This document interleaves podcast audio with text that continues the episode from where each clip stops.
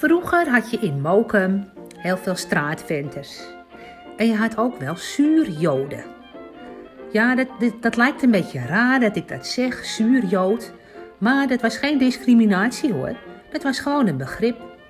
Ze werden ook wel augurkiesmannen genoemd of zuurmannen. En ze liepen over de straten met een kar. En dan hadden ze allemaal zure bommen hadden ze erin en uitjes en allerlei, ja, allerlei zuurwaren. En dan gaat mijn gedichtje over. En dat heet De Augurkiesman. Ik ga hem er even bij pakken. De Augurkiesman. Karel had een zuurkar met een ton van donker eik. Daarin verkocht hij zure bommen en aardjes in de oude wijvenzeik. Zo venten die door Mokumstraten. Ze waren hadden geen merk, maar zolang ze ze zuur maar fraten, vond Karel het prachtig werk. En de katholieken en de protestanten waren zijn beste klanten. Want op de dag des heres, na de ochtendpreek, verkocht Karel veel meer zuur dan door de week. Vooral bij het klooster in Oud-Zuid gaven de nonnetjes haar centen aan zijn pekelagurken uit.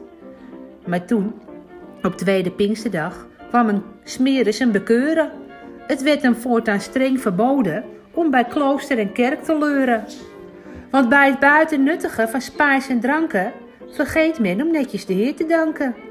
Karel kreeg een ventverbod en hij zei, ach kanebraaier, Jan Jurk, wat geeft het nou op zondag een klein hapje augurk?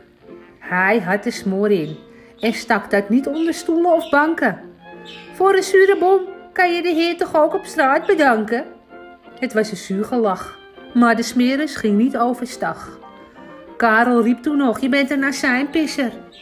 De jut kon gelukkig een gaantje wel hebben, dus dat liep af met een sisser.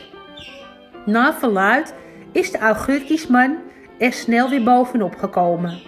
Hij ging naar de Nieuwmarkt en heeft er een vaste standplaats ingenomen. Ja, die nonne heeft het toch wel flink bezuurd, want die gekke Karel was de beste zuurjood van de hele buurt.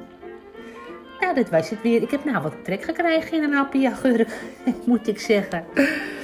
Nou, tot de volgende keer. Dag allemaal.